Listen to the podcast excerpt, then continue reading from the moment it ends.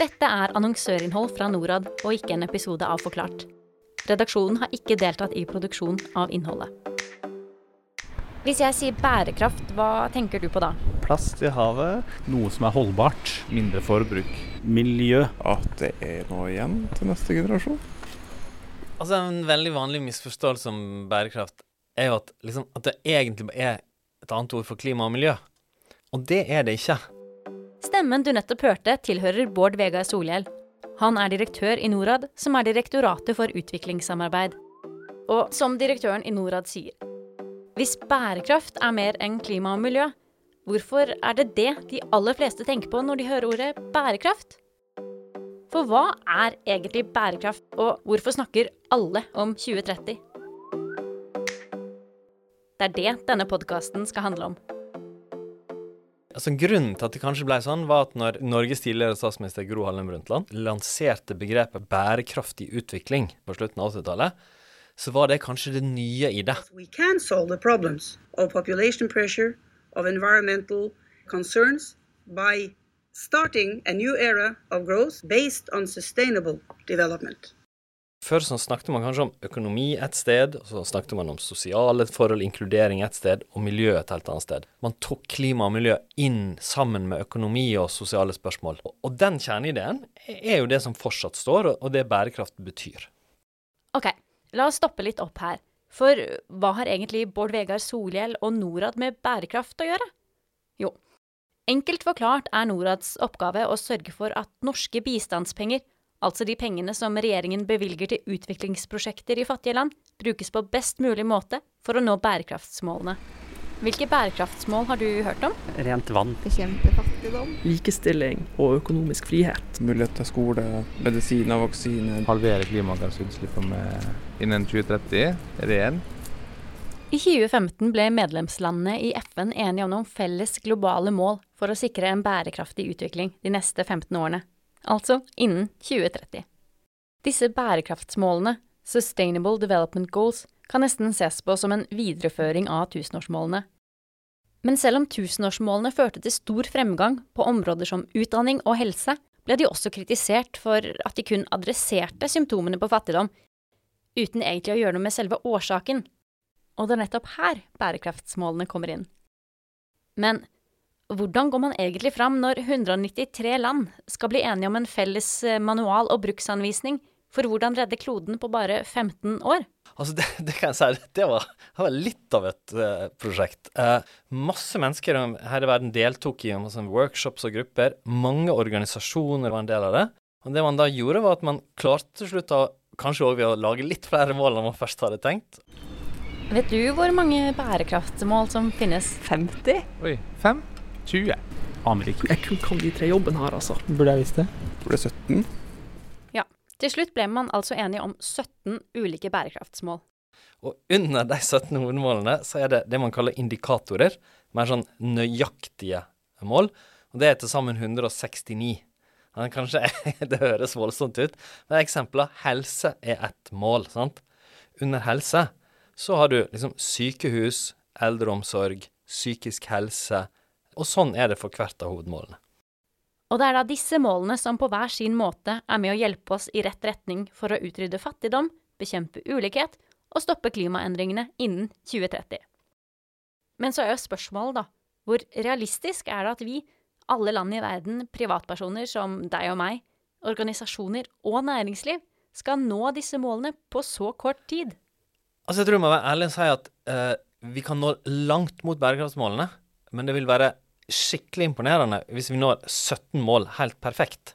Altså Noen av de målene er kjempeambisiøse. F.eks. at mange flere får utdanning. Det er realistisk. Men om vi klarer å liksom, sørge for at alle får utdanning, eller alle får tilgang på ren energi, det er kjempe, kjempevanskelige mål. Men jeg tenker at det ligger litt i ideen der òg. Det skal være noe ordentlig å strekke seg etter. Fordi det er det nærmeste verden kommer en slags felles plan for å utvikle oss mot 2030. Hvordan ligger vi egentlig an til å nå disse kjempeambisiøse målene? Hvis vi starter med første målet, avskaffe fattigdom, så er det et godt eksempel på enorm framgang. Eh, hvert år de siste 20 årene så har det blitt færre og færre ekstremt fattige. Det betyr mennesker som lever på under 20 kroner om dagen. Barnedødelighet på helse har gått enormt ned. Store sykdommer som ja, Polio er nesten utrydda. Det er langt færre nå som dør av aids og malaria, som mange kjenner til. Mange flere får utdanning. Så mange av de måtte, sosiale og økonomiske målene, der blir det gjort stor framgang. Så er det de, de målene som går på miljø og klima. Der må vi jo innrømme at vi sliter mer. Og når det gjelder demokrati og menneskerettigheter, så har det nå vært noen år der man har vært i en, i en utvikling feil vei.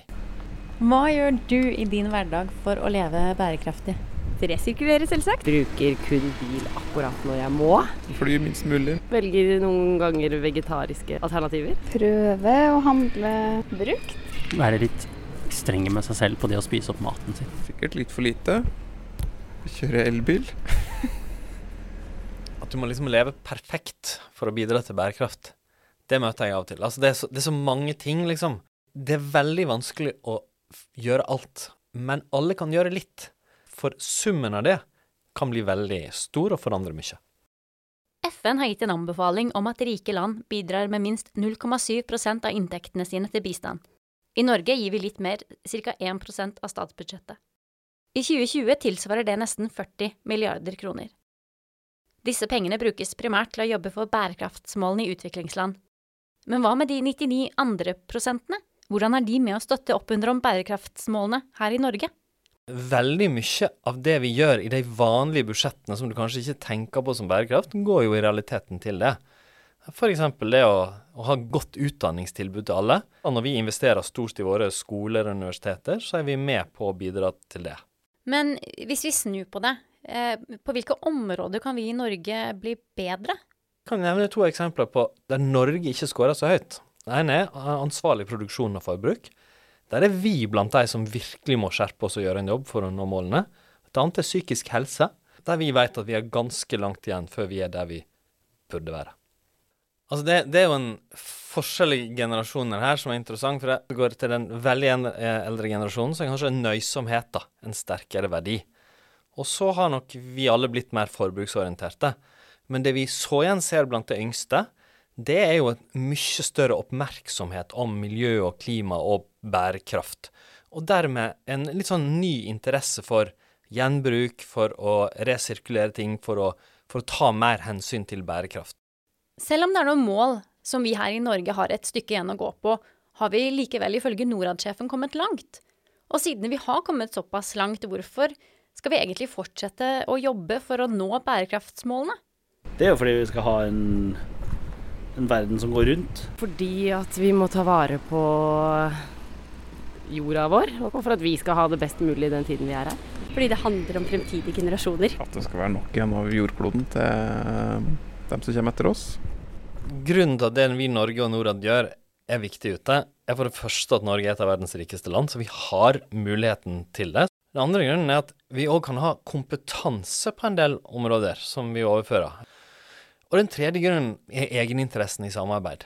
At en del spørsmål er sånn at vi kun får løst dem i et internasjonalt samarbeid. Og da må vi være villige til liksom å, å betale inn i det, være med på det, hvis vi skal høste fruktene av det covid-19-pandemien, noe som skjedde for eh, under et år siden i en by i Kina på et sånn ulovlig dyremarked, en by ingen hadde hørt om, det ble i løpet av få måneder det viktigste over hele verden. Og Det viser kanskje hvor utrolig tett vi henger sammen, og, og hvordan, hvilken avhengighet vi har av hverandre. Og Da er det en del spørsmål der vi sjøl er tjent med å bidra til løsninger, enten det er en vaksine som lages internasjonalt, eller å kutte klimagassutslipp der det er størst. Hvilket bærekraftsmål er viktigst for deg? Er det ren energi eller uberørt natur? Eller hva med økonomisk vekst eller det å stoppe klimaendringene? Norad har laget en test for at du skal finne ut hvilket bærekraftsmål som er aller viktigst for deg. Test deg selv og se. Hvor villig er du egentlig til å leve bærekraftig for at alle skal få det bedre?